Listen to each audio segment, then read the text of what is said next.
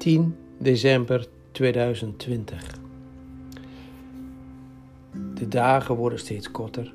Het wordt steeds eerder donker. Het is bijna kerst. En we hebben het heel veel over het kindje Jezus. Maar ik dacht bij mezelf, hoe zou Jozef het kerstfeest hebben beleefd? Ik heb geprobeerd te kruipen in de huid van Jozef.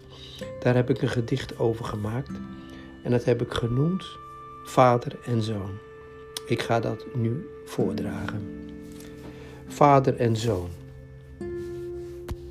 O God, uw pasgeboren zoon moet ik, een timmerman, in een houten voerbak leggen. Het kon niet anders.